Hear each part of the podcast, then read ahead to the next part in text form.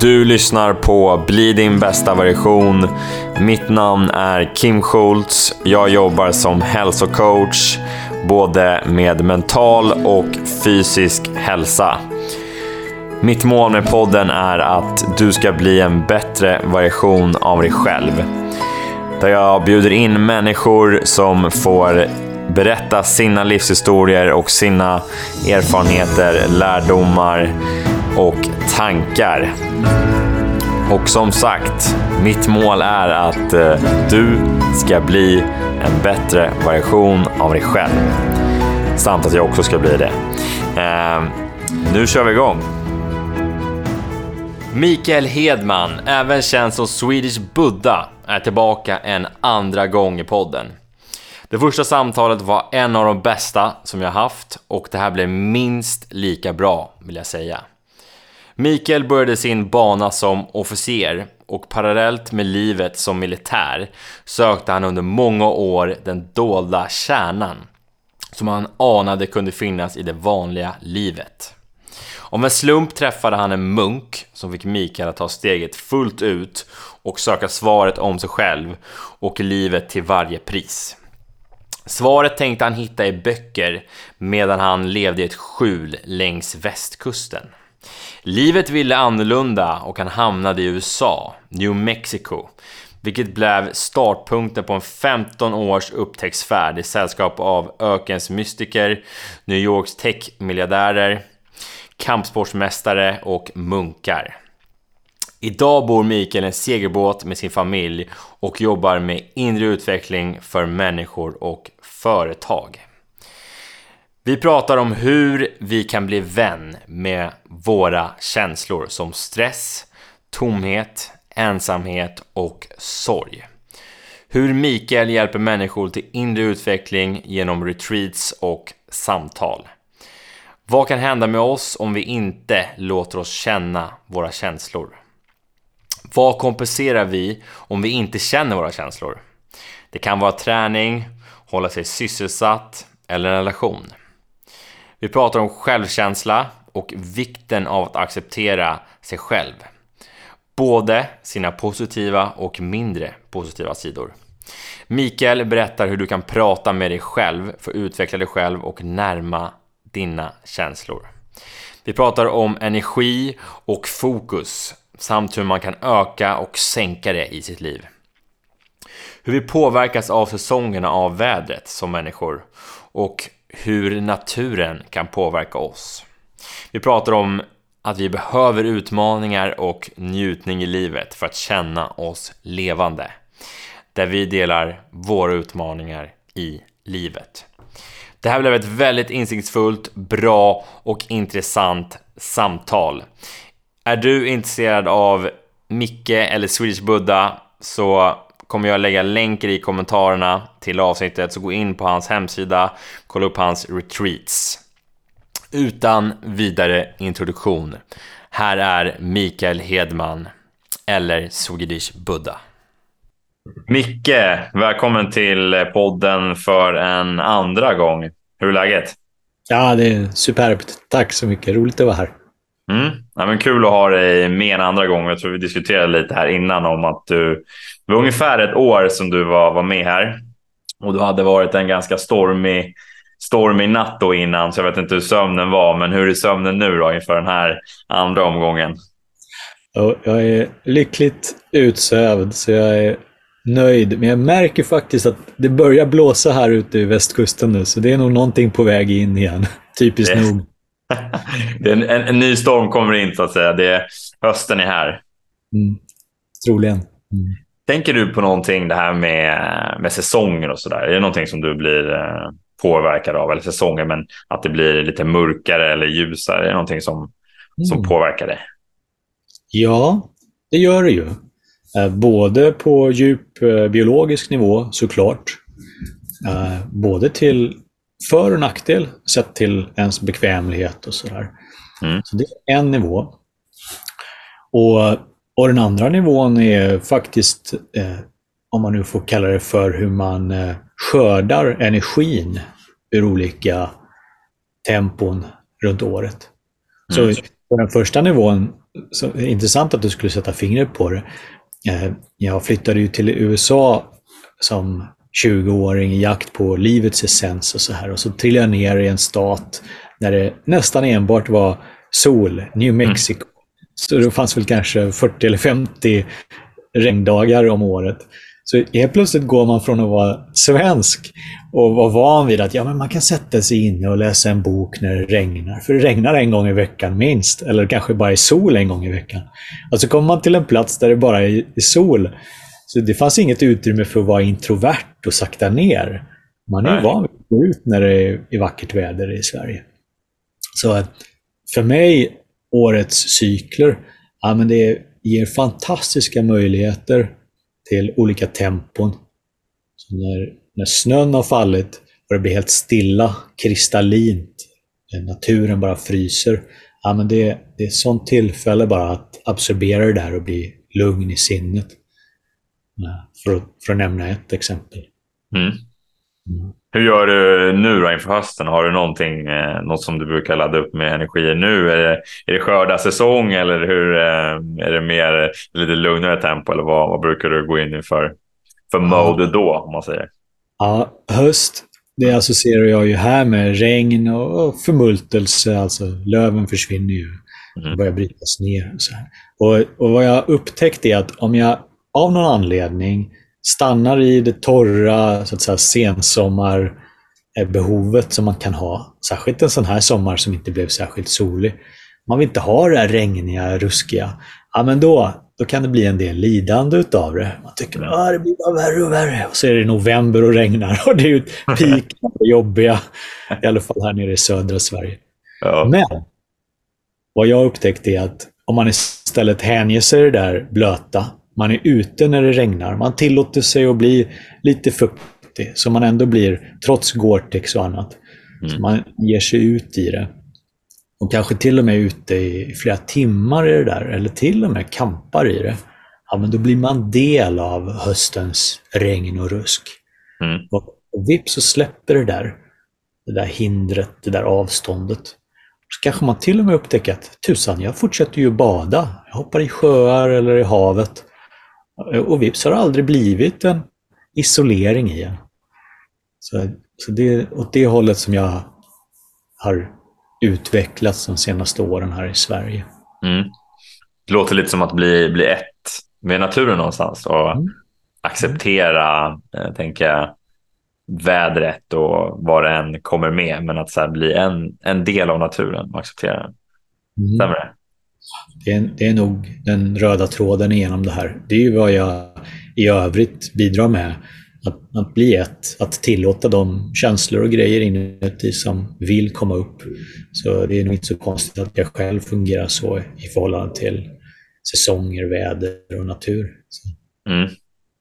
Men du var ute på någon, jag bara fick eh, en bild att du var ute på någon, eh, någonting med väldigt, eh, vad ska man säga, tufft väder med snö. Jag tror att det var förra året. Jag för att du skickade någon video till mig i det här. Och du bodde i någon, var det inte någon is, eh, alltså en sån här iglo mm. någon natt? Ja. Hur, hur, hur, kommer det sig att du hamnade där och att du gjorde det? Ja, jag har så starkt drag till vinter. Och, och, det är den där vintern som är i december, januari innan ljuset har kommit. Så det ska helst vara riktigt kallt, gärna blåsigt och så bara mängder med snö. Och så den fjärde ingrediensen, jag ska vara där ensam Alltså ja. långt ut från allting. Och, och be mig inte förklara. Det kanske finns någon psykolog som kan förklara mitt mönster. Uh, så, och, och, och till råga på allt, och det här vittnar ju mer om min egen dumhet här. Varje vinter så, så är jag ute några veckor på det här viset, men jag får aldrig nog. Så jag känner alltid när våren kommer, ja men skit också, nu försvinner vintern och så missar jag chansen det här året också. Så det här, den här vintern, 2023, det har jag föresatt mig att jag ska bara försvinna ut i, fjäll, i, i fjällkedjan på obegränsad tid. Till slut så ska jag ge mig själv all vinter jag någonsin kan konsumera. Så, så Det är roligt att du nämner det, för det där är en sån här liten... Det lockar mig nu. Ja, det händer någonting med dig. Ja, ja. Det, ja det, det är något där. Det är så enormt kargt. Uh, det, det, är ju ogästvänligt mot ens organiska behov av värme och, och lugn. Mm. Och samtidigt då att kunna vara lugn, bo i snön och, och så här. Mm. Uh, jag är väl en, en konnässör kring kontraster kanske. Mm. Är, är det en utmaning, är det det du ser det som, eller är det bara mer en, en njutning? Är det? Eh, nej, det är nog mest njutning. Eh, det är inte längre en utmaning för mig att vara ensam långt ut i fjällkedjan. Eh, sen kanske risken, eller närheten till krafterna där ute, har en lockelse för mig. Det mm. får mig att tänka i nya banor. Det, det är en fin gåva till mig själv med. Eh, så när det kommer in väder och man faktiskt får ta hänsyn till det, eller temperaturen faller så mycket att ja, nu minskar marginalen för att vara människa och göra fel här ute. Mm. Ja, där finns någonting som skärper till läget och jag tror jag gillar det. Mm. Det blir en, en, vad ska man säga, det låter som att det blir en, någonstans en spänning och att man någonstans behöver verkligen tänka på sina beslut och vad det kan få för konsekvenser att det blir någonting att du och sen om man säger skarp kanske, bara, bara en, utan att ha upplevt det själv. Ja, jag tror vissa människor har det på det viset. Säg att det vanliga tempot, vardagen, ja men det, det, det drar ner dem. Mm. Säg som att sätta en lipizzaner-häst bakom en plog. Ja men det är inte rätt för den hästens lekamen. Den, Nej, inte... den är inte byggd för det. Nej. Så jag tror att jag är funtad på samma sätt. Det är svårt för mig med rutiner och det här bara linjära. Mm. Jag vill ha ständiga förändringar. Jag gillar det. Mm. Och, och, omvänt så kan ju det vara det som hotar och stressar en annan person som gillar förutsägbarheten. Mm. Man är mm. olika. Mm. Nej, men Jag är nog ganska ganska mycket rutinmänniska, alltså att ändå gå in i samma rutiner. Men sen ibland så känner man att man behöver den här lilla utmaningen eller den här nya förändringen för att det ska ske någonting. För det kan ju bli så här, vad ska man säga, lunkigt eller att det blir lite mm. tristess, att det blir, det blir på samma sätt. Eh, men jag är nog inte, är inte lika extrem som det skulle jag inte säga. Jag, jag har bestigit Kebnekaise, det är väl eh, det mest, jag hade en, oh, tre tältnätter där, det är väl det mest extrema när det kommer till det som jag har gjort. Och det var en upplevelse. Det hände ju någonting med en och det var en utmaning, definitivt. Vi låg i ett... Eh, vi var tre man och vi trodde vi hade tre tält, men det visade sig vara två tält. Så det var, det var ganska tajt och det var inte så bra med sömn, kan jag, kan jag erkänna. Men, eh, men det, det finns någonting med det. Och det, jag gillar de här utmaningarna. Och sen kan man hitta dem på olika sätt, tänker jag, i, eh, i vardagen. Så det låter som att du på, på ett klokt sätt kryddar med de där upplevelserna. Så du har baseline, vardagen. Och så märker du att ah, nu är det för mycket lugnt, nu behöver jag väckas av det där. Så mm. lägger du till någonting, vad du nu är inspirerad kring. Mm. Precis så. Eh, verkligen så att det är någonting som behöver göras annorlunda, alltså någon ny rutin. Utan så här, börja med att träna på morgonen istället för att träna på eftermiddagen. Eller, alltså, det händer någonting, bara en sån liten grej kan jag tycka, så, ja, men bra, nu går upp lite tidigare eller eh, vad det nu kan vara. Så det, är det släpper ju in ny inspiration, nya vinklar. Mm. Och, och det är bra att man har ett sånt där totalt temposkifte. Så det låter smart. Mm. Eh, om man vänder på det, min variant på det där, ja, men det är ju att kasta ett ankare och jorda mig på något sätt.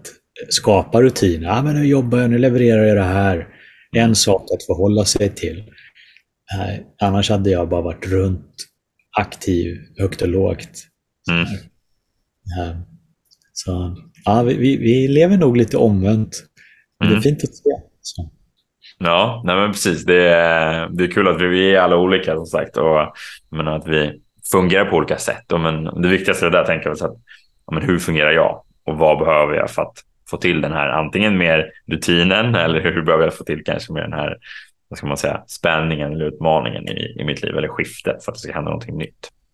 Precis, och jag tänker så här, om det inte varit för sådana som mig, då hade inte fjällräddningen haft någonting att göra. Och sjöräddningen, ja, men de hade kunnat gå hem. Liksom. Så jag, jag bidrar ju så stort. Alla behövs, det är det som, det är, det som är det fina i, i, i det, att det, eh, det behövs i båda, definitivt. Jag tänkte vi skulle eh, prata lite om eh, vad som har hänt i, i ditt liv sen, sen sist. Det, vi kommer fram till att det är lite mer än ett år sedan som du var med i mm. podden. Så jag är nyfiken på eh, vad som har hänt sen sist. Ja, eh, möjligtvis att jag är ute och föreläser en hel del och träffar mindre grupper i retreat, endagsretreat under helger och så här. Och det har varit så trevligt på alla sätt och vis att jag nu har dratt igång en stor retreat-serie med sex stycken möten över hela Sverige. Mm. Man tio månader. Så det ska bli roligt att presentera det. Och eh, Vad mer? Jag, ja, jag tar mina samtal från folk som hittar mig och ringer och för på tal känslor kanske som skaver eller för den skull existentiella eh, lockelser. Liksom, vad, vad är livet? Vad, vad kan jag göra med det jag har och är? Mm. Så det, det är roligt.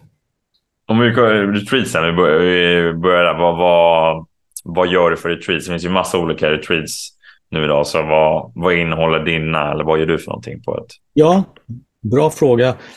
Uh, jag hade ett, ett retreat enbart för kvinnor för bara några månader sedan här i Göteborgstrakten.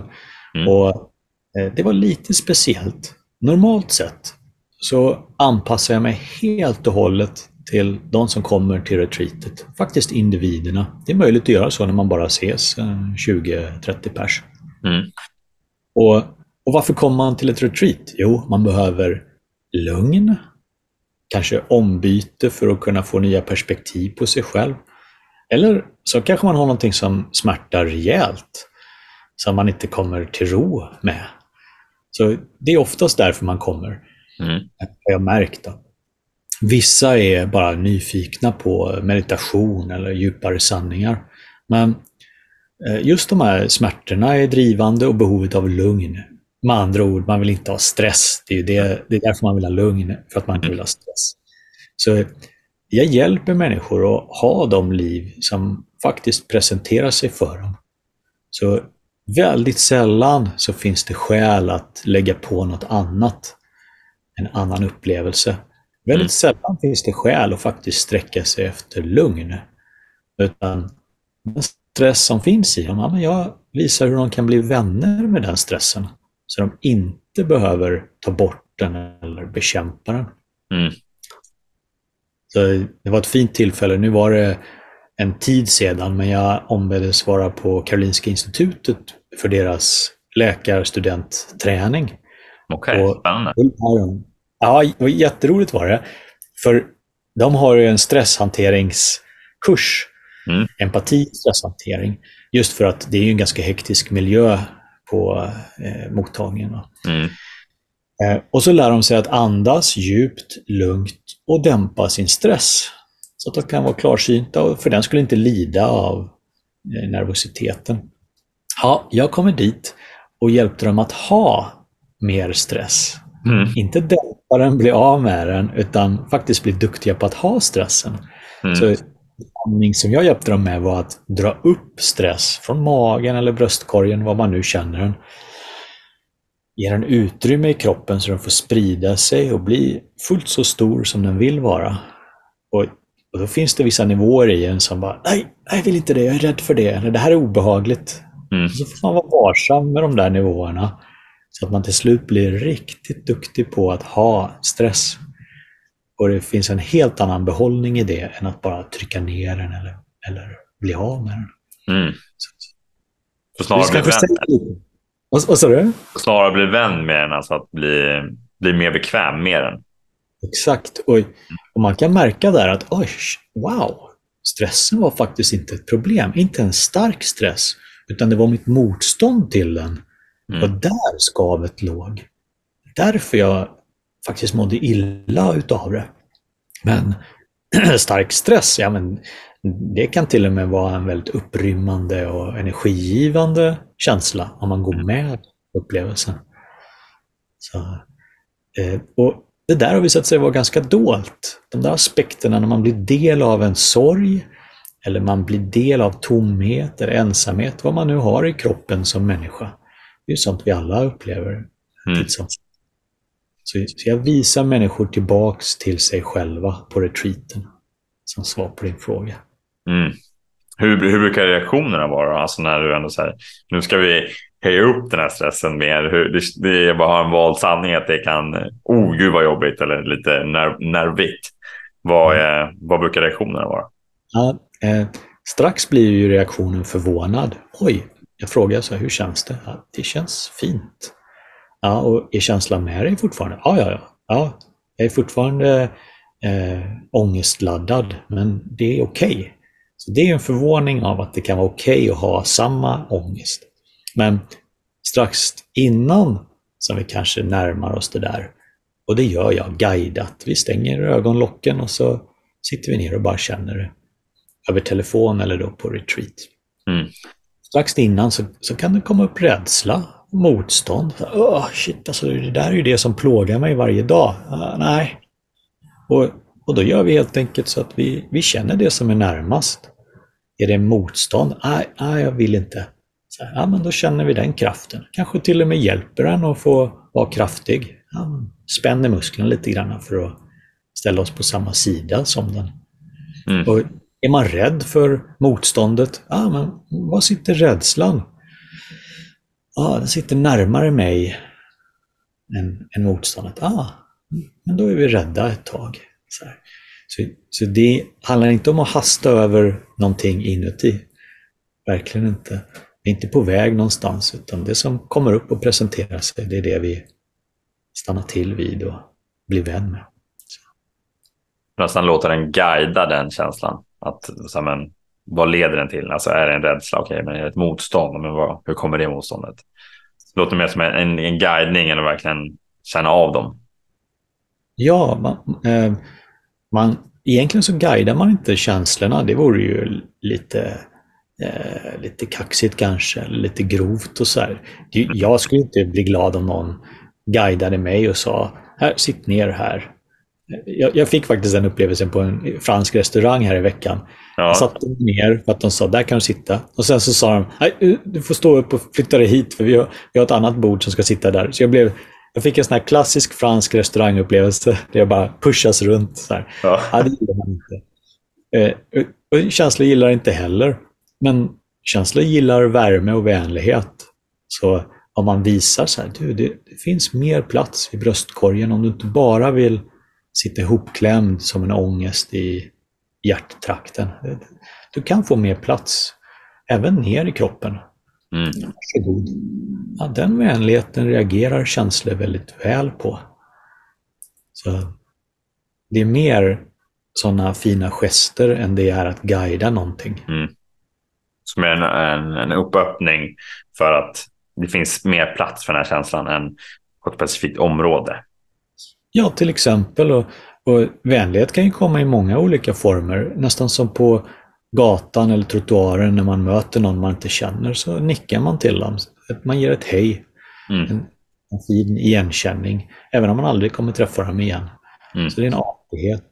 Och, och, när man står inför en jobbig, jobbig känsla, rädsla, oro eller vad det nu kan vara. Bara liksom nästan nicka lite grann inuti. Um, eller för den skull ett exempel som jag ibland tar när man gick i första klass och bråkade med någon och så tog läraren och eh, de båda och så, så här. Ja, nej, nu får du be om ursäkt. Här. Och så, ja, förlåt. Och så sträckte man fram sitt favoritlukt suddgummi. Ja, du får det.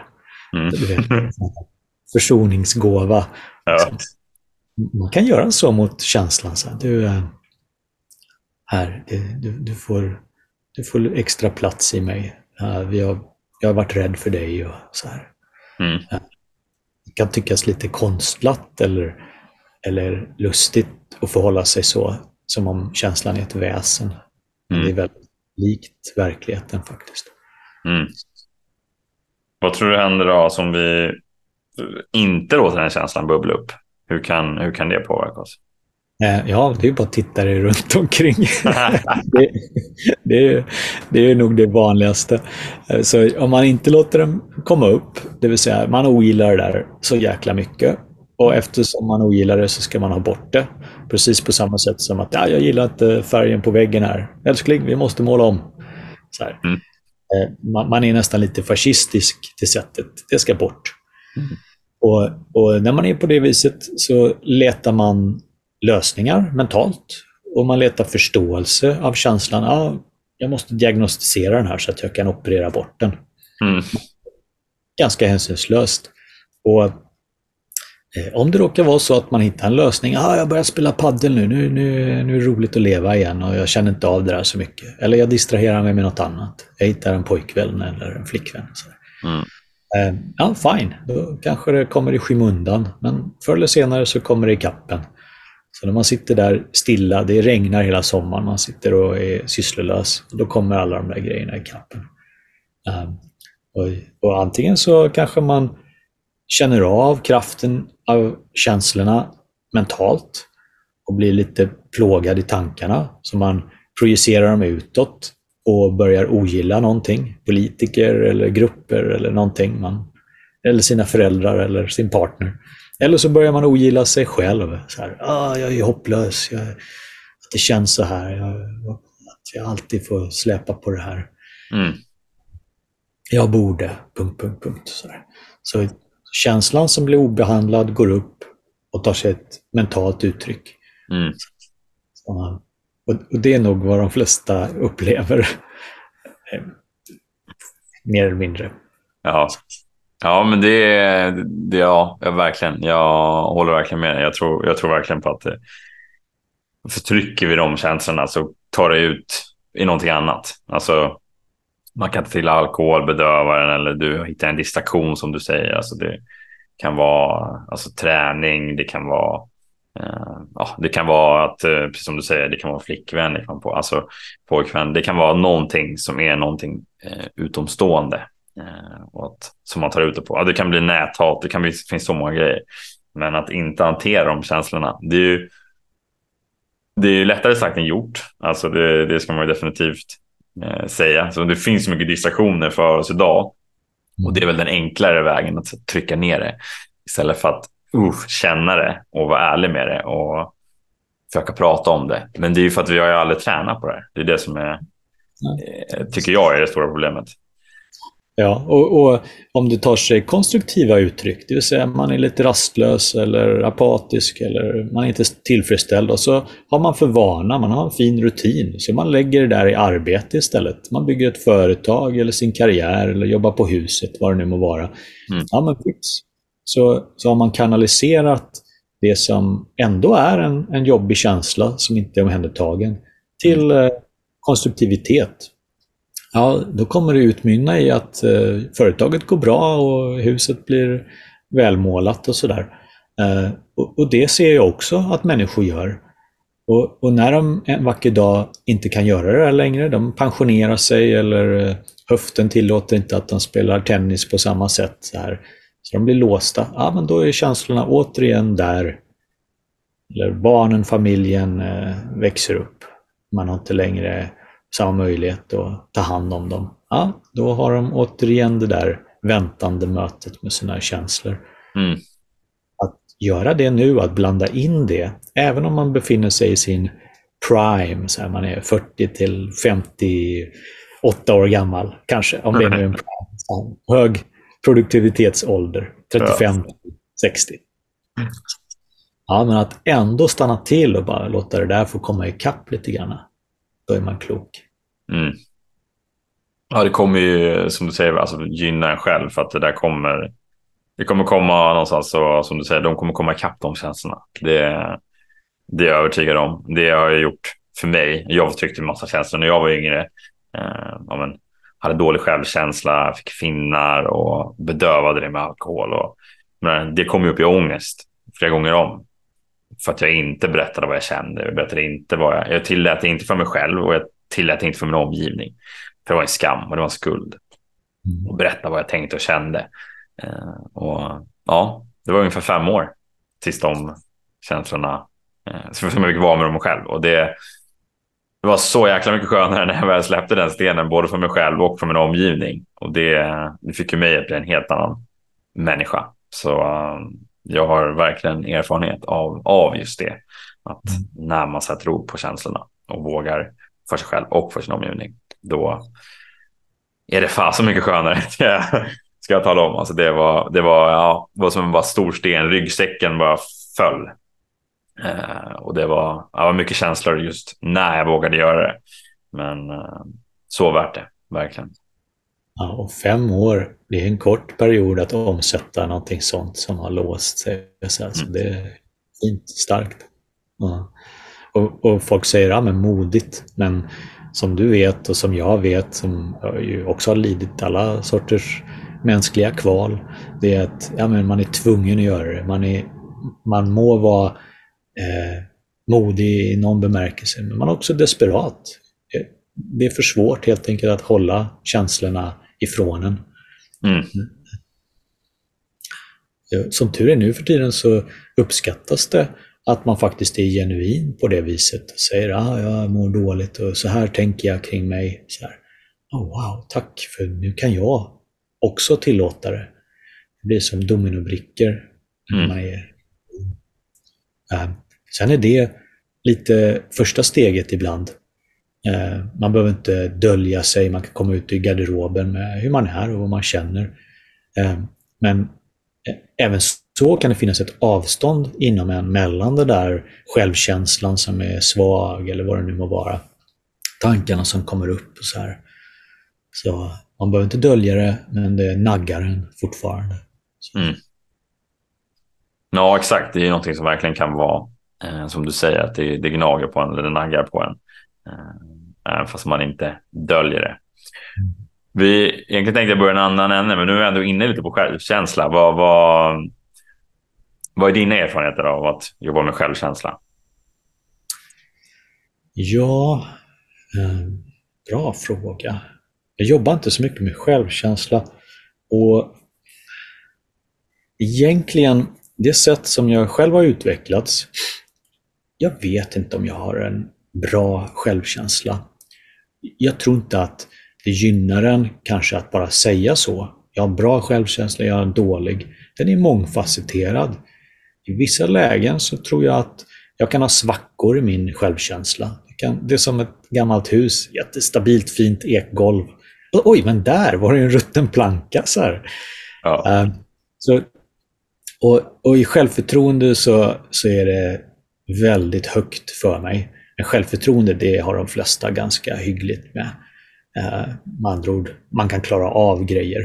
Den mm. är ju inte så intim den nivån som självkänslan. Mm. Uh, så jag har nog aldrig riktigt jobbat med min självkänsla eller tyckt att det varit värt att jobba med, utan snarare sett det som öppningar. Så i de fall som den är svag eller den, den är blottad, ah, bra, då kan jag trilla igenom där. Trilla igenom till känslor som jag behöver komma i kontakt med. Tvivel och eh, sorg, eh, besvikelse och skam och sånt där. Det är, sånt som, mm. det är nästan som en sån här teater, teatergolv som man kan öppna och så du vet, sänka skådespelaren. Ja, ja. Jag vet, men du vet, som i gamla filmer. Så, uh, så självkänsla, det, det är nog bra att det finns lite sprickor i det, om jag ska säga så. Jag tror det gynnar en människas utveckling. Likt, du vet, sången med Leonard Cohen genom sprickorna så kommer ljuset in. Mm. Just det. Så, så hade det inte varit för skiftna, skiftningar i självkänsla så hade vare sig du eller jag suttit i det här samtalet just nu. Eh, sen är det klart, det är skönt att vara robust i sin självskattning, i sin kontakt med sig själv. Mm. Och, så, och det sätt som man blir det, eh, åtminstone om du frågar mig, det är att verkligen komma nära alla aspekter inuti. Eh, och heller inte försöka förändra dem eller modulera om dem på olika sätt. Utan bekanta sig med dem på dess premisser. Mm. Ja, men det tror jag, det upplever jag från min egen resa i alla fall, att, eh, att acceptera både de, de, de bra och fina sidorna som man anser sig ha, men också att våga acceptera dem som, okej, okay, men det här är inte mina bästa sidor. Eh, det här är ju kanske jag inte bäst på och det här finns det, ja men här finns det lite sprickor. Och det tror jag som du säger att så här, verkligen att det, det finns ett fint vad sa ekgolv, men det finns lite smutsiga eller lite trasiga grejer. Och det tror jag är, är väldigt viktigt att så här, inte sträva efter att ha det här perfekta ekgolvet. Eh, att försöka, men det här är bara jag. Jag är liksom jättebra på allting. Utan det, då, då, blir det snarare som att man bara höjer upp sitt självförtroende. Utan det accepterar båda delarna av det. Mm. Och det, det, kan ju ta eh, tid, tänker jag, till att faktiskt göra det. För att det är min i alla fall, min erfarenhet av det att det är man vill ju vara någonstans, det, jag ville vara det när jag var yngre i alla fall, att det skulle vara perfekt. Man skulle se bra ut och man skulle inte ha några brister och man vill ju inte vara, visa sig svag eller man vill inte prata om känslor och, och sådana grejer när jag var mindre i alla fall. Men min erfarenhet nu är snarare tvärtom, att jag vill ju snarare berätta vem jag är och vad jag har för brister och vad jag har lärt mig under tiden och att faktiskt kunna prata om mina känslor och, och sätta ord på dem. Och det har ju gjort, tycker jag, att i alla fall min känsla kring mig själv har blivit mycket, mycket bättre. Eh, eller bättre, men den har i alla fall blivit mer, eh, vad ska man säga, eh, sann mot mig själv, om man säger så. Så det, det är väl verkligen en sån grej som jag tänker. Vad, vad är din erfarenhet av de du jobbar med? Har du någon sån här känsla? Var, hur tycker du att de också kan ha de utmaningarna? Eller vad har du stött på där? Eh, ja, men när jag lyssnar på dig så tänker jag bara, ja, men det är en sån människa man trivs att umgås med. De är, de är inte fast i att prata om sina känslor och, och hela sitt liv, men de, det är ju en sån människa som är trevlig att umgås med. De har ett liv som inte bara är polerat och starkt, utan de kan ha svackor. Och så, och så kastar de sig in i andra samtalsämnen eller, eller roligheter och så här. Det är en hel människa, med andra ord. Så, så det är vad jag hör från dig. Och den där processen att det tar tid, ah, det behöver inte ta så lång tid. Trots att man har hela sitt bagage, alla sina sprickor och sådär. Um, man kan börja flörta med det och vara lite rolig med det. Skoja med sig själv och säga ja, okej, okay, där kommer mitt negativa synsätt. Ah, allting är tydligen hopplöst. Ja, shit, det var en jätteskön helg. Nu är det måndag eftermiddag och så Ja, nej, det kommer tydligen inte lösa sig. Jag känner bara tryck. Ja. Det är som Göteborgsvädret, nu regnar det. Så vet, det blir lite mer lättsamt. Man får lite perspektiv på sina mönster. Mönstren är välkomna in. Ja, såklart ja. Här kommer du med leriga stövlar. Och så här. Ja, men ja, nice. Mm. Uh, ja, nu, nu, där sänkte jag mig själv och, och jag känner verkligen att halva bensintanken är tom. Mm batteriet blev tomt på en sekund. Fan, det är fascinerande alltså. Vad, vad, vad, gjorde du med all energi? Så här, säger man till den här lite deppiga reaktionen inuti. Mm. Så har du gömt det någonstans. Så kan man börja skoja lite och vara lite grov med de där reaktionerna i sig. Eh, vips så kommer man faktiskt närmare dem istället för att bara oj, nej, nu blev det så. Och så spänner man hela sig själv. Och så mm. Det är ett fel på mig, tänker man någonstans. Mm. Kortslutning. ja. Nej, ja, ja, okej, nu, nu gick det en säkring igen i det här gamla huset, tycker mm. man. Så det finns ju sätt att förhålla sig till det. Mm. Men, men sen är egentligen eh, den lätta och snabba vägen, det är att börja relatera väldigt intimt med de där känslorna. Och det är jättesvårt att göra själv nästan som någon gång kanske i skolan så sa eh, sjuksystern att ah, men här är en nål och så ska du ta ett hål i, i fingret för att du ska ta blodprov eller något sånt där. Nej, det är inte så många människor som kan ta hål i sitt finger, i sin hud. Man har en sån stark överlevnadsdrift. Mm. Så det är svårt att närma sig de där smärtorna. Det krävs någon som håller det för en och mm. som faktiskt ser allting i samma ljus så det är mycket av det jag gör. Mm. Sen är det inte komplicerat att närma sig känslorna.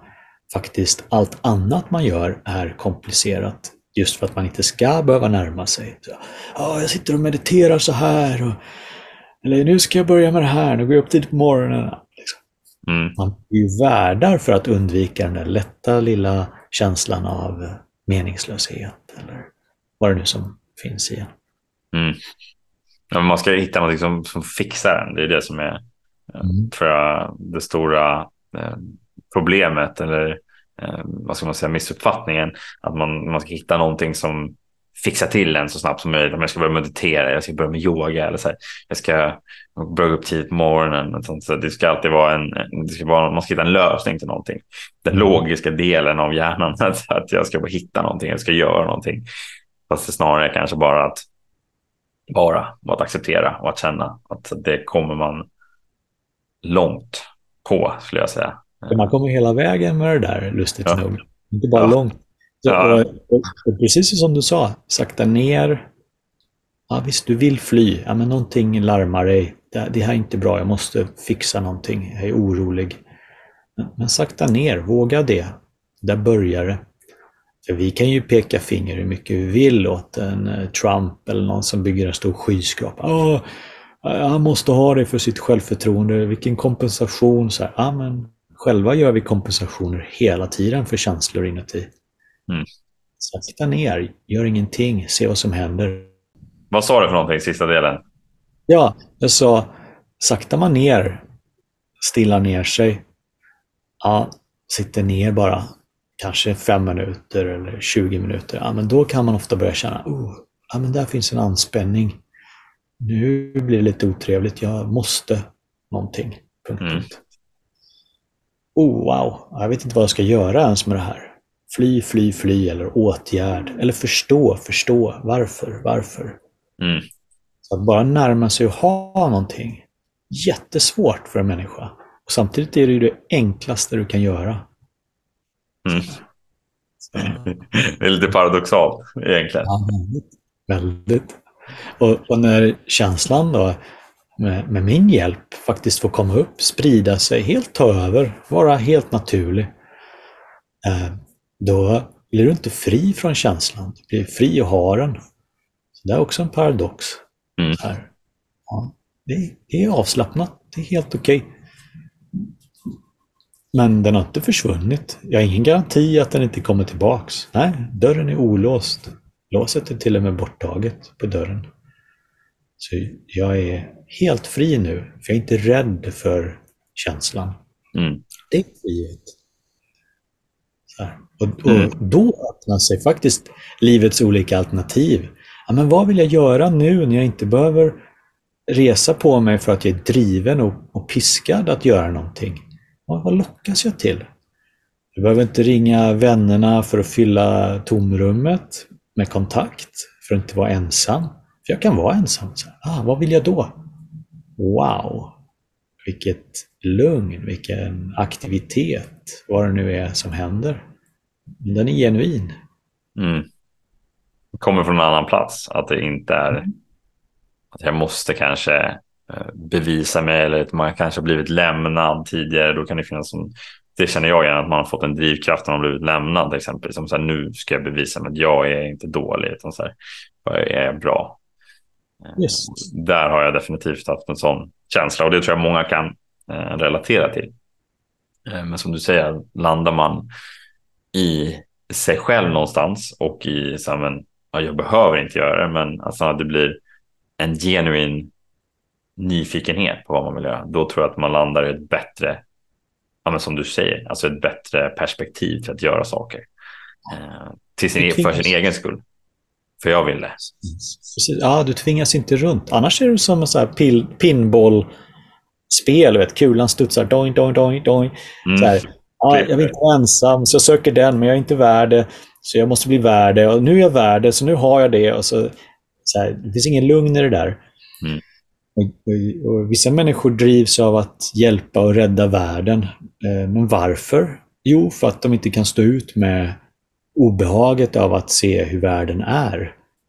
Så, så hade de eh, vant sig vid och tillåtit obehaget att kännas sorgligt på alla sätt det känns. Alltså, sen, vill de rädda världen sen? Det blir en intressant fråga. Eh, nu tar det sig uttryck i en kompensation för det de inte vill ha. Mm. Så att, att, lösa den cykeln, det är att göra enormt mycket för sig själv som människa. Då kan man börja leva och inte bara vara en pinbollkula som studsar. Mm. Det, det, låter lite mer, eh, vad ska man säga, eh, mer njutning och mer, mer av, vad ska man säga, på ett sätt som eh, inte är stressigt eller att man hoppas runt. Som det blir en mer ett lugn och att det blir en mer trygghet. Om så det här vill jag göra på grund av det är för mig själv och det är inte på grund av att det kompenserar någonting. Mm, och det är då, då man verkligen börjar närma sig sitt sanna jag tror jag. När ja. gör det. Och, och, så ska man vara ärlig med att säga att ja, men ibland har man en överlevnadsrädsla. Så, hur kommer det gå på jobbet eller så här. Men även den är oftast inte riktigt så nära de hot man tror. Eh, man överlever ganska bra i Sverige. Man har a-kassa om det blir eh, slut på jobbet och sådana här grejer.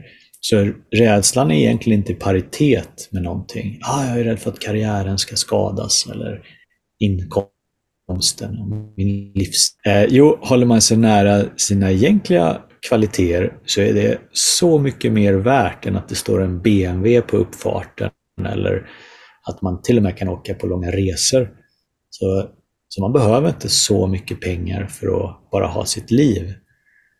Så, så man kan släppa en del på den där överlevnadsrädslan. Mm. Eh, man gör nog lite värre. Ja, men även så, så kan det ju komma in eh, sorger och obehag. Man blir av med någon man älskar på ett eller annat sätt. Eller någonting man älskar.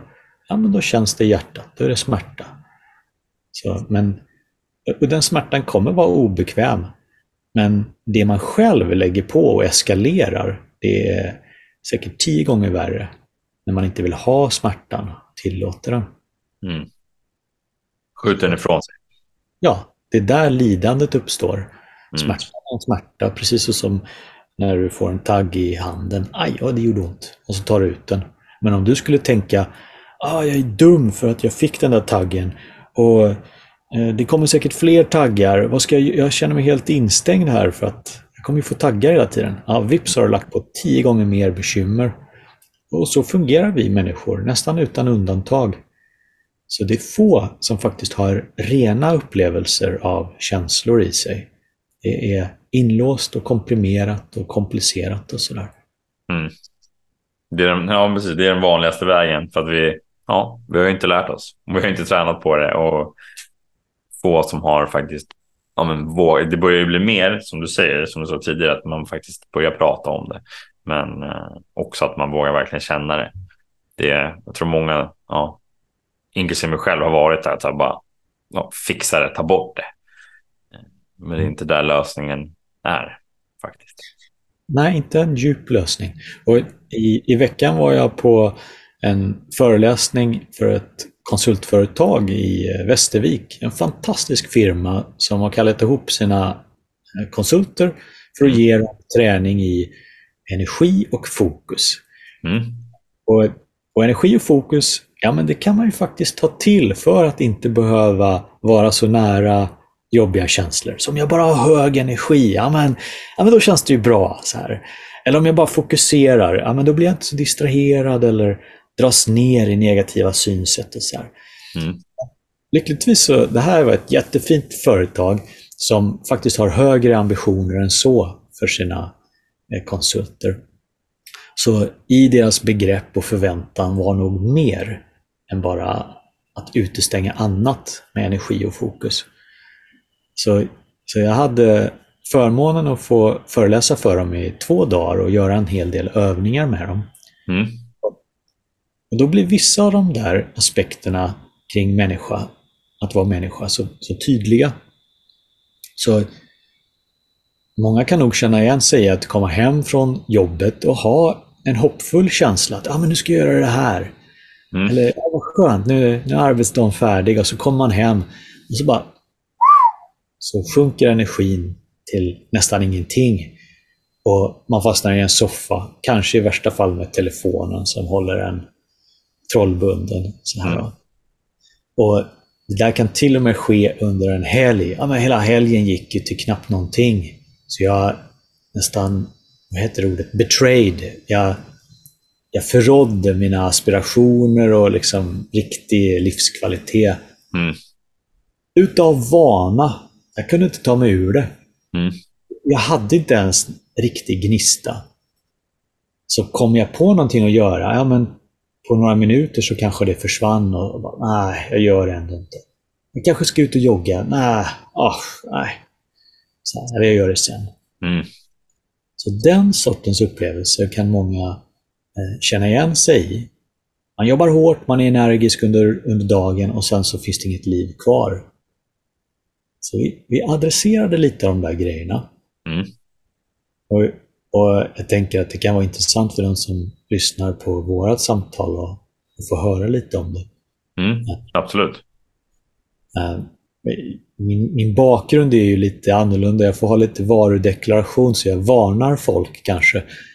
Jag har ju eh, kultiverat energi av högst tvivelaktiga skäl i öknen med mystiker under många, många år. Så jag är danad på det viset att förhålla mig till energi på ett sätt som är ganska olikt gemene människa.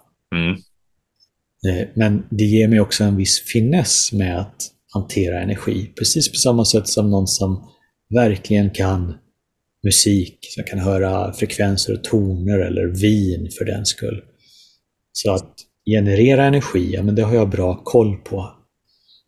Och I princip så finns det bara två sätt att göra det. Antingen att minska sin dränering av personlig kraft, entusiasm, vitalitet eller om man vill kalla det för energi.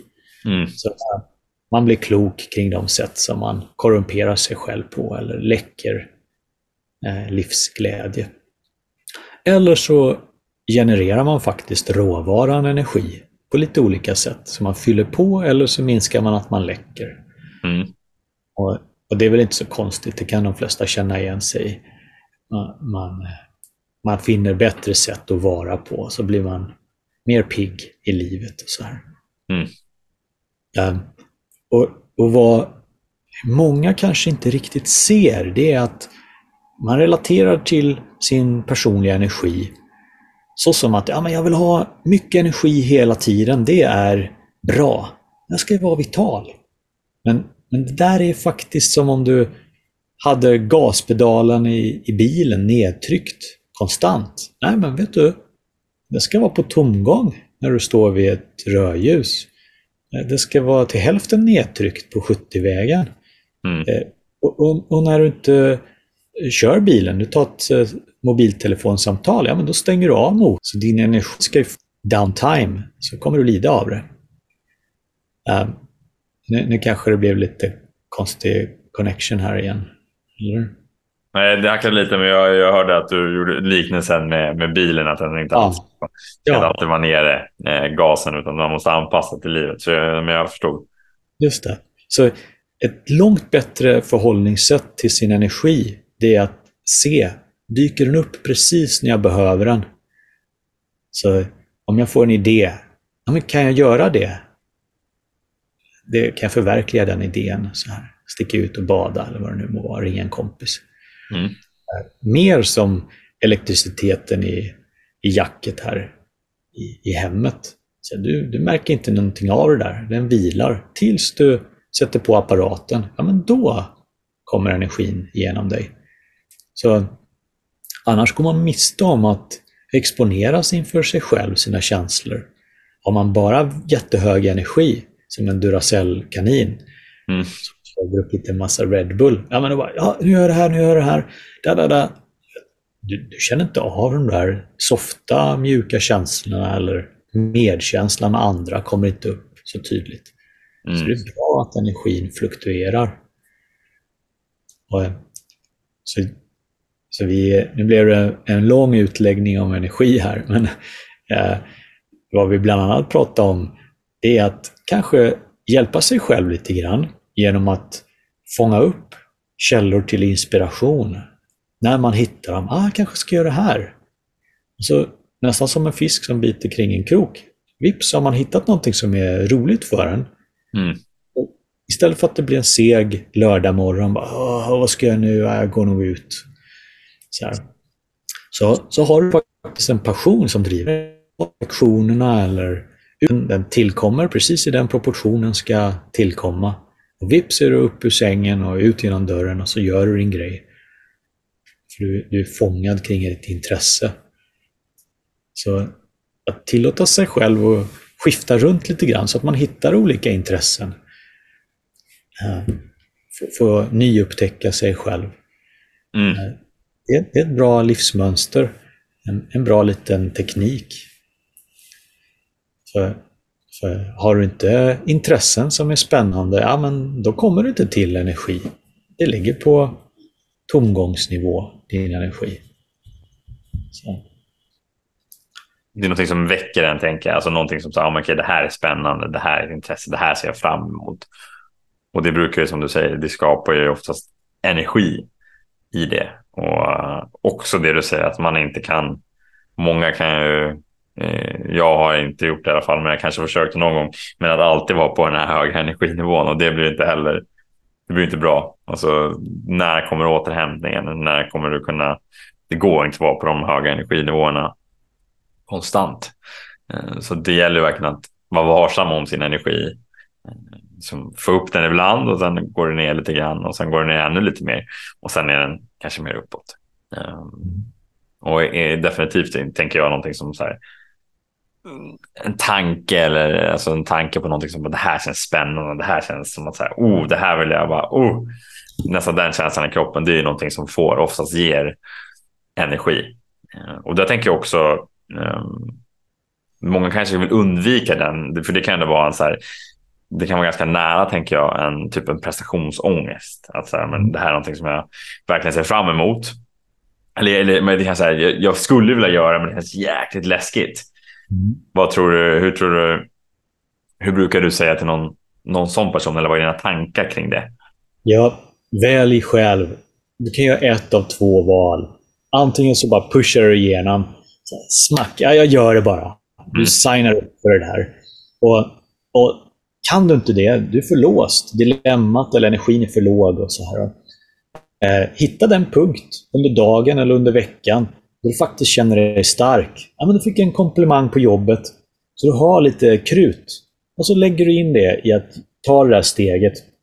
Om du, om du vill bjuda ut någon. Då. Så här, du vågar inte riktigt, när jag ska göra det? Ja, men du hittar din peak. Och där skickar du smset. Ah, vill du gå ut med mig? Eller vad det nu må vara. Byta ja. ett jobb. Sånt där. Så, så, man får veta att ja, men det är inte säsong just nu. Jag är nere på minus 5 grader. Jag måste upp till plus 20. Då mm. rör jag mig.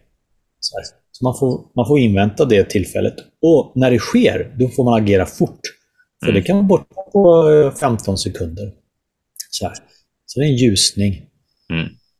Um, och egentligen det som Ja, det andra alternativet, bara för att täcka det, det är att känna den där rädslan. Ah, vågar jag det här? Ja, okej. Okay. Sätt, ner, sätt ner med det första som sker.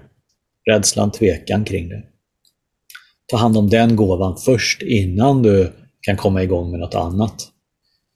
Och gör det intimt, totalt. Var rädd. Ja, all right. Är det det första som ska ske? Det är inträdesbiljetten till den här attraktionen. Mm.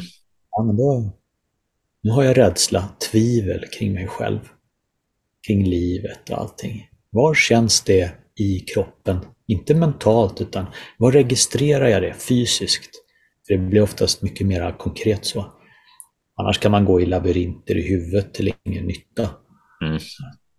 Nej, det är en klump i magen. Ah, Okej. Okay.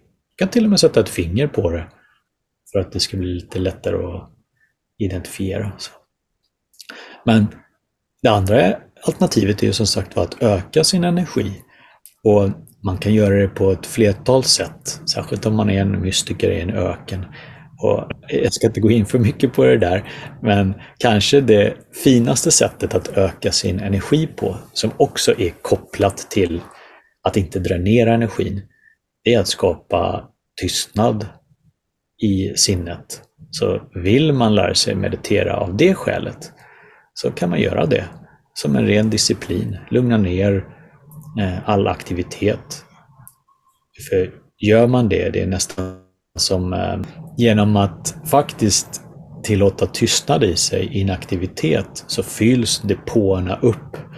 Och av det skälet kan det vara fint att lära sig meditera, jobba in den där förmågan under eh, några månaders tid så man faktiskt lär sig skapa tomrum Jag menar inte att det är en jättebra lösning för livet, men vad gäller energi så, så kan det verkligen hjälpa.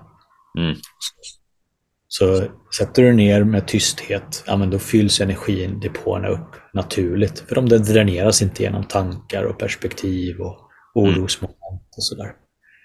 Och närbesläktat med det där eh, är ju fokuset. Ja, men hur håller man ett fokus eh, kanske sett till sina livsmål och sina drömmar för att faktiskt få det att ske utan att känna trycket på axlarna. Så här, ja, jag borde, Mm. Jag vill skriva en bok. Så jag borde sätta mig ner och göra det. Vet, det är lika lockande som det är betryckande. För, och så gör man det inte och så byggs det mer borde. Mm. Så, Prokrastination blir det. Alltså, pro, man prokrastinerar, alltså man bara sitter man borde göra det. Visst, exakt.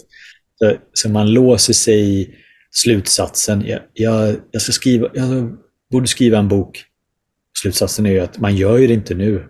Så båda de där halvorna låser sig då. Mm. Vad jag ska göra och att det inte är just nu.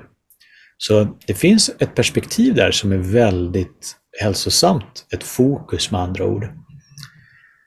Eh, om du tar bort tidslinjalen, för, för, tid är en aspekt av, av tankarna som tar upp rätt mycket energi.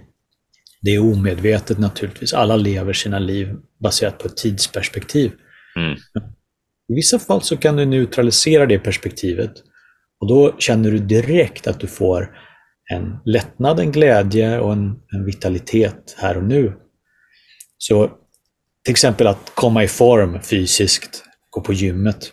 Mm. Så, ja, eh, jag ska komma i form, tänker folk. Nu ska jag komma i form. Och outtalat är det där är ju att jag inte är i form just nu. Mm, exakt. Det, det, är ju spegelbilden av att komma i form. Ja, jag är inte i form just nu. Mm. Och, och, det kommer ske, ja det ska, det ska ske över en tidslinje. Den här veckan eller det här halvåret. Så, här. Mm. så om du skiftar det till, jag kommer i form. Mm. Du lägger på det sker. Jag kommer i form. Vips så är det inte någonting som sker i framtiden. Så jag kommer i form. Och, och då befinner du dig redan i det. Så det finns inte det där implicita att du inte är i form. Ja, men jag är i rörelse redan. Um, då får det mycket lättare att hända. Och det gäller allting, ditt företagande eller din ekonomi. Så här. Men jag växer min karriär, inte... En gång till sa du. Det, det, det, det, det sista jag hörde var företagsperspektivet. Du pratade om att säga, jag, eh, jag bygger mitt eh, företag, sa du någonting? Ja, just det. Så eh, om det är så att man vill ha en familj kanske, eh, eller företagande är det viktiga för en. Man, man kan ju ha olika mål och drömmar i livet. Säg, eh, säg familj. Ja, men, eh, eh, jag, jag vill skapa familj. Ja, outtalat är ju, jag har inte familj just nu. Så du befinner dig på en linje som kan vara mer eller mindre pressande. Till och med riktigt stressande om du är 35. Liksom. Din biologiska klocka börjar ticka. Så istället känn jag ska... Ah, jag har inte träffat min man än. Men jag skapar min familj. Så det där, där sker, det där dyker upp. Jag är redan i processen av att skapa den här familjen. Mm. Då bör man inte känna som att ah, men jag ska börja med det, eller när ska det ske? När ska jag träffa den personen? Nej, men det har redan skett. Jag, det, jag har redan börjat för flera veckor sedan så började jag skapa familj. Så jag är redan i det flödet. Det tar bort trösklar som annars finns i en och är smärtsamma. Då blir allting det du gör redan del av att skapa familj. Mm. Eller att komma i form. Jag kommer i form. Mm. Byta perspektiv egentligen. Och mm. Så att fokuset blir annorlunda. För då börjar man inte, tänker du, fundera på det eller att det blir som en, en hämning. Tolkar jag rätt? Ja, ja du, är, du är redan i rörelsen utav det. Mm. Att känna det, det är en enorm lindring för människor. Jag är redan i rörelsen till ett bättre jobb, eller bättre utbildning, bättre hälsa, Mm. familj, en konstellation. Så. Mm. Och, och då är det inte, ah, jag borde ta det här steget. Nej, men jag är redan i rörelse. Stegen händer redan. Ah, så jag kastar in det här. Ah, nu är det dags att ringa det här. Så, och, så vad jag gör här, eller vad jag pekar på, det är bara att ta bort de här knaggliga stegen, fyrkanterna. Nej, men det är ett flöde. Det är inte så här steg som du inte tar eller ibland tar. Mm. Det ligger redan i floden av att det här sker. Mm. Då kan man vara nöjd över sig själv. Wow, jag, jag, är, jag är på väg till familj. Mm. Jag är på väg till bra form. Fysisk hälsa. Med ett annorlunda tankesätt, tänker jag. Att man, som du säger, att det blir mer ett flöde istället för att det blir en, en tröskel som du ska, som du ska över. Ja. Ett annat tankesätt hur man pratar med sig själv och hur känslan blir kopplat till det. Just det. För hjärnan i, i sin psykologiska mänskliga form delar upp, tar avstånd, tar perspektiv. Mm. Den är inte gjord för att flöda. Men den mår väldigt bra av det. Så vad den tenderar att göra är liksom, ah, jag borde göra det här och det ska ske så här över tiden. Och jag, etc. Och de här stegen. Så här. Det är Mm. smärtsamt för de flesta om man inte har en väldigt väl regimenterad tankevärld. Mm. Där allt det här funkar för man, man är väl disciplinerad och sådär. Men att vara i ett flöde. Ah, det där händer. Och så får man inspiration. Jag borde ringa där. Ah, men jag ringer. Jag ringer redan. Så. Eller man kanske inte ens får jag borde, utan jag kan ringa. Mm. Just det. Eh, Det är också, tänker jag, med, med ett ord, ordvalen som man tänker jag borde eller jag kan eller jag vill till och med. Ja, exakt.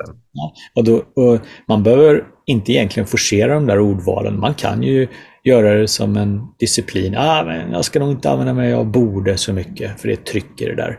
Men man kan också bara vänta och se. Ah, vet du, jag säger väldigt lite borde just nu. Mm. Ja, jag går på vill.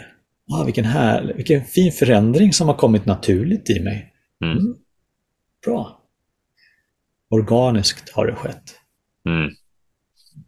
Jag tänker om man, alltså fokus kopplat till att vi har så mycket distraktioner idag. Mm. Vad, vad tänker du, som du, du var inne på det tidigare med att man, man distraherar sig med träning eller man distraherar sig med, med mat kan det vara, det kan vara med alkohol, det kan vara ja, flera olika attribut eller saker som man faktiskt ehm, ja, som man drar sig till. Mm. Distrahera sig med. Jag tänker att man kan tappa fokus ganska lätt. Vad, vad har du för tankar där för att någonstans kanske dra sig tillbaka till fokuset? Ja, mycket av det där är svårt att göra på egen hand. Jag medger det. Mm. Men jag vill ändå ge så mycket tips som möjligt. Men man kan nog behöva stöd i det här. Så när, när någon kommer till mig med det där, då saktar vi ner förloppet. Så säg att det handlar om att äta lite för mycket. Man svullar i sig och man känner att det här är en kompensation för någonting. Mm. Ja, vi saktar ner tempot tills du står inför kylskåpsdörren. Ja, kan du föreställa dig det? Ja, ja men absolut, det kan jag. Jag har suget där. Ja, men nu sänker vi det här till ultrarapid. Så, så vi står vid kylskåpsdörren, vi saktar ner vad som faktiskt händer under en knapp sekund när du bara öppnar kylskåpsdörren, väljer in korv och din ost och vad det nu är du vill ha.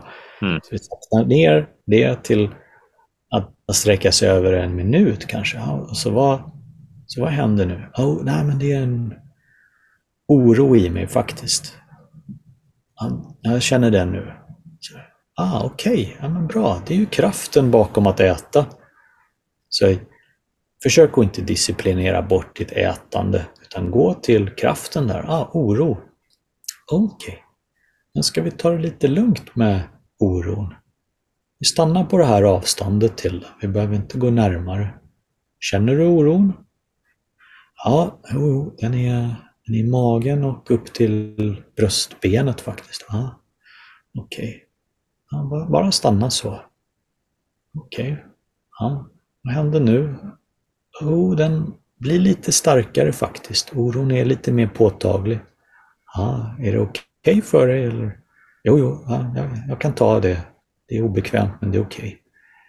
Ja. Och nu då? Kan, kanske att du kan ge den lite utrymme. Ja, men det kan jag nog göra. Ja, så som du märker, vips så börjar det bli en relation med den där kraftkällan som driver beteendet. Mm. Ja, då kommer den inte driva det där beteendet på samma sätt. Du har ju gått till att syna den och dessutom vara schysst mot den. Mm. Så, det är sånt som en inre kontakt ger. Det tar bort de där yttre distraktionerna när man sträcker sig efter telefonen eller kickar och sådär. Mm. Men var, varför gör du det? Sakta ner så visar sig det. Mm. Och det är nästan aldrig någonting positivt som driver det. Jag kan låta lite negativt, här, men det är, det är, inte negativt utan det är smärtor i en som driver beteenden. Mm. Allt som um, För man känner så tydligt när det är tacksamhet eller kärlek eller något sånt där. Eller bara glädje, frihet, generositet som gör någonting. Mm. Är handlingen helig nästan. Den, den blir vacker. Mm. Det finns ingen friktion i den. Den ger energi till en själv och andra. Just det, på energier jag tänkte på, nu hoppar jag lite här, men eh, jag eh, bara fick en tanke nu också kring, kring just det. Men eh, kanske lite filosofisk fråga, men eh, jag tänker så här, om man går in i ett rum så kan man ju känna nästan så en, en energi. Så bara, Oj, här är det jobbigt eller här är det, här är det någonstans en negativ energi och så kan man känna så här, men här jäklar vilken positiv energi. Samma tänker jag med en människa, så bara, oh, här känner vi en utstrålning eller här känner jag någon som bara helt inte utstrålar någonting positivitet eller någon välvilja eller den är inte inställsam exempelvis. Vad tror du, hur tror du att den energin någonstans kan, kan uppstå? Alltså i, att man känner av den? Ja, dess eh, mekanik och sådär menar du? Ja, exakt. Alltså, vad, vad kan det liksom bero på? Eller vad, vad är din tanke? Mm. Väldigt, filosofisk, väldigt filosofisk fråga, men bara din eh, reflektion på det. Ja, äh, egentligen är det ju inte konstigt och samtidigt är det ju väldigt konstigt. Men, men alla kanske har suttit i ett rum med en gitarr som lutar mot någon vägg någonstans. Och så uppstår det ett gitarrljud eller något annat ljud någon annanstans och så hör man resonansen i strängar och gitarrlåda. Så, så frekvens kan ju påverka genom luft, genom avstånd och så uppstår ljudet någon annanstans. Mm. Om den som går hem. Så, och människor, vi är inte begränsade av luft emellan oss. Vi är komplexa varelser. Även om inte det har igenkänts särskilt väl i vetenskapen. Men, men genom kvantfysik kan man ju se att två föremål står i kontakt på hur långt avstånd som helst ifrån varandra.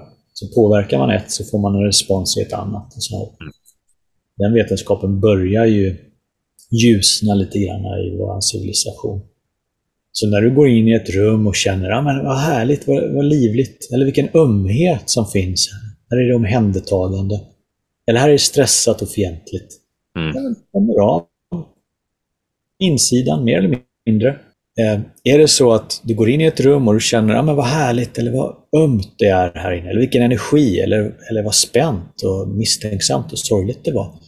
Eh, du kan vara mer eller mindre öppen för det där. Dina portar eller sensorer kan vara mer eller mindre utvecklade. Och Jag skulle säga att det finns inga goda skäl att utveckla den där sortens intuition. Världen är en ganska grov plats. Du behöver inte känna av alla sorters miljöer. Det är bättre att du eh, håller dig från att utveckla den sortens eh, intuition, skulle jag säga. Men man har sin läggning. Man är mottaglig så som man är född att vara kanske. Mm. Eh, och då kan det vara bra att ha en viss hygien. Med andra ord, ja, men du befinner dig inte i sådana miljöer som faktiskt påverkar dig och sänker dig. Lika lite som du skulle vara i en miljö där du fick andas tobaksrök om du inte själv var en rökare. Du skulle definitivt inte flytta till Tjernobyl och befinna dig i en radioaktiv miljö. Nej, så. jag vet inte det är smart det. Nej, visst. Om du inte är väldigt lustigt lagd. Så mm. du är med andra ord lite noggrann och det behöver inte vara för eh, strikt till sättet. Men så här, ja men här får jag stanna lagom länge. Um, och, och, så märker du ju om människor omkring dig är mottagliga, om du kan säga hur, hur, hur är det med er? Ska vi sätta oss ner? Det känns som det är lite spänt. Kan jag göra någonting? Ska jag laga mat till er? Och så säger han, ah, du, vad fint att du sätter det i ord, tack. Ja, jag, jag är deppig och jag är dessutom frustrerad. Ja, men vips har du ju en öppning. Um, och då kan man ju vara till nytta och hjälpa till och skifta energin inom citationstecken. Mm. Jag var nyfiken på den eh, och som du säger att man ändå eh, kan ställa frågor kring den. Alltså lyfta upp den snarare än att så här, det kanske är många som tänker här tvärtom och undvikande och jag vill inte eh, ja, ta till mig den dåliga energin. Jag vill helst bara härifrån, nästan fly den. Mm. Det kan ju vara ett normalt tecken, men där är tänker jag bra att så här, vara nyfiken kring den. Hur kommer det sig att den är här? Vad, vad beror det på någonstans? Ja, och, och en sak som är säkert är att energi och andra omständigheter absolut slår an grejer i en mm. Och väcker saker. Så man kan ju dra nytta enbart av det. Ah, tappar jag förtroendet för mig själv nu? Kom misstro upp tack vare det här? Eller på grund av det här? Ah, Okej, okay. vad bra, det låg ju latent och nu har det kommit upp. Ah, men grymt! Jag hade ju en lagom lördag och nu känner jag tvivel. Mm. All right. tar jag hand om det. Mm. Men, och man behöver inte vara för seriös med det där. Man kan säga nej, vad fasiken, nu drar jag och dricker eh, några schyssta glas, äter en pizza på min favoritkrog. Eh, mm. Så man kan ju faktiskt lägga på eh, ett skifte också, ett fysiskt skifte. Man behöver inte alltid sitta och reflektera kring sig själv. 50-50 är en bra dos. Mm. Det, det, är ju ändå skillnad från 0-100 som, som kanske de flesta lever. Och lägga på 50 vara med sina känslor. Det... Ja. De har kommit en bit, så att säga. Ja. Mm. ja. Hur, har du, hur skulle du säga att din, ditt förhållningssätt är idag till det? Är det, är det 50-50 eller har du någon annan eh, aspekt till det? Uh, jag, jag har ingen tröskel. Jag är känslorna som uppstår. Jag är verkligen en dörrmatta. Det är en konsekvens av det här upplysta medvetandet. Eh, det, det, finns inga aspar, fönstren står öppna. Så kommer in en sorg av någon själ, någonting i mitt psyke eller någonting som bara är faktiskt. Eh, då är jag ledsen. Och, och, och, alla känslor kan komma in verkligen. Det är inte så att jag bor i en borg uppe på en klippa eller sitter på någon vit häst så här, utan eh, allting som hör en människa till, ångest, vad finns det mer? avundsjuka, tomhet, ensamhet och så här. Mm. Um, så, och ibland så märker jag inte ens, för jag, jag hakar inte upp mig på det. Så, så det är verkligen inte ens märkbart. Um, Utan någonting som bara kommer till dig då, tänker du? Alltså att du inte... Mm. Ja, nej, men jag, jag hörde inte heller tror jag 100 procent, men jag tänkte, jag tror att du eller som jag tolkade det, att så här, du, även om de känslorna kommer, att du inte alltid kanske går in i dem, utan ibland låter dem bara vara. Eller var, var det så du förklarade? Var det så jag tolkade det rätt? Ja, det finns inget behov av att gå in i dem. De är totalt fullt och så här. Eh, det finns inget perspektiv på dem. Mm. De flödar. Och, och, ibland ska jag säga, ja, visst, jag kan låsa mig också Ja, om, om mitt psyke sätter sig på, i motvärn och det här känns hotande så här. Det här vill jag inte ha. Men då kan jag, nästan som en bäverdamm som dämmer upp en, en flod, så här, ja men då kan det bli en fördämning där. Men i övrigt så rör sig bara verkligheten rätt igenom utan reflektion. Så. Mm. Mm. Fin fråga. Mm jag tror att det är en, eh, som du säger, jag tror, från min egen eh, erfarenhet att här, vissa, allting sitter jag inte och heller Jag tror att det blivit väldigt mycket om man skulle känna allting konstant, utan så här, att vissa grejer passerar bara förbi eh, och vissa grejer behövs mer sittas med. och det tror jag att man känner inombords för sig själv. Om det här är någonting som jag, är viktigt för mig eller det här är någonting som, som jag har förtryckt eller det här är någonting som jag behöver alltså, vara med mer. Just det. Snyggt. Bra distinktion. Vissa saker är ju bara irritation. Ja, men någon tog ens parkeringsplats. Ja, men vad fan. Och så här. Mm. Eller, och någonting djupare sitter i själen. Ja. Så. Ja, men exakt. Verkligen så att så här, vissa grejer dyker upp bara ganska snabbt och som du inte behöver, som du bara får som en känsla, men som du inte behöver kanske analysera, reflektera. Och vissa är, mer, är verkligen så att det här behöver jag. Visst. Och, och man, det finns ju ett skäl till att man har det här långfingret på handen. Så man kan göra fuck off liksom, både till människor och till händelser i livet. Ah, men vad fan också. Skit. Uh, och mer än så är det inte. Liksom. Jag hade otur tre gånger i rad här. Ja, ja. Det är klart man blir lite nedstämd av det. Mm. Men det, så är dagen. Mm. Ja, men eh, det, vissa dagar är ju bara så här. Nej, det här var en skitdag. Det, här, det, det gick emot mig idag. Och då är det som du säger, men, ja, fuck off den här dagen. alltså det, ibland är det inte mer så, även om det kanske suger för stunden. Men eh, så är ju livet. Eh, det är inte linjärt heller, utan det går ju upp och det går ner. Så eh, det vore just. tråkigt om det var på, på just den, att det bara går så.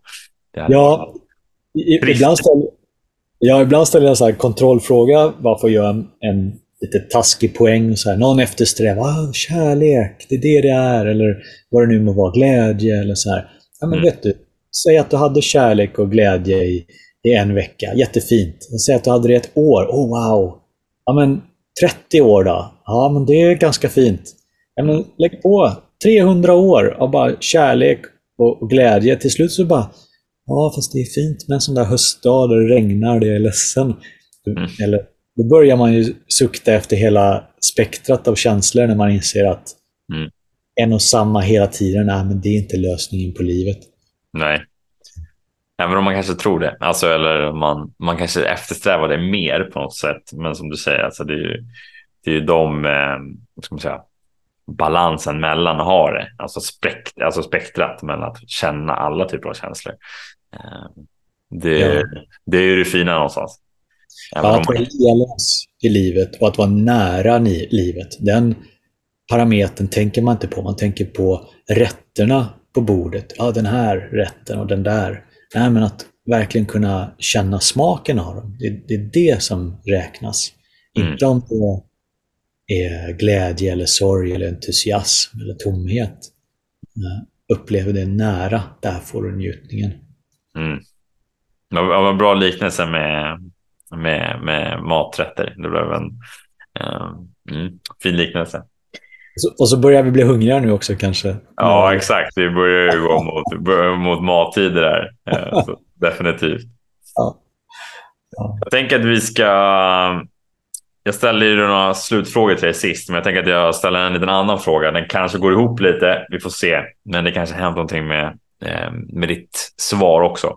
Men eh, jag tänker att vi ska runda av om, om inte du har någon ytterligare grej som du vill lyfta upp eller någonting som du, mer som du vill säga innan vi avslutar. Mm. Säger du.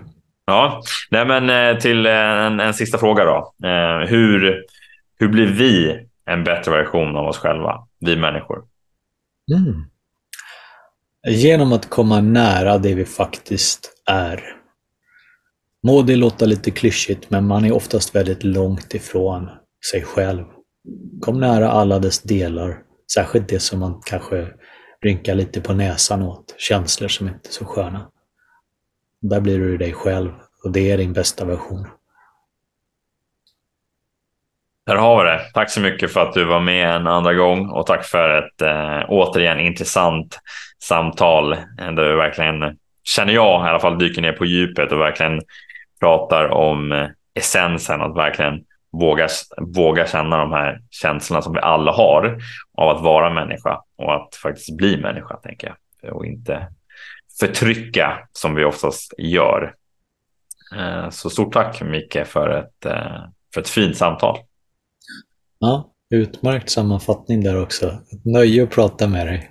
Så nu får vi ta och äta en god lunch här. Då. Nu är det dags. Nu behöver vi lite käk här. Ladda på depåerna. Ja, bra. Ja. Tack så mycket.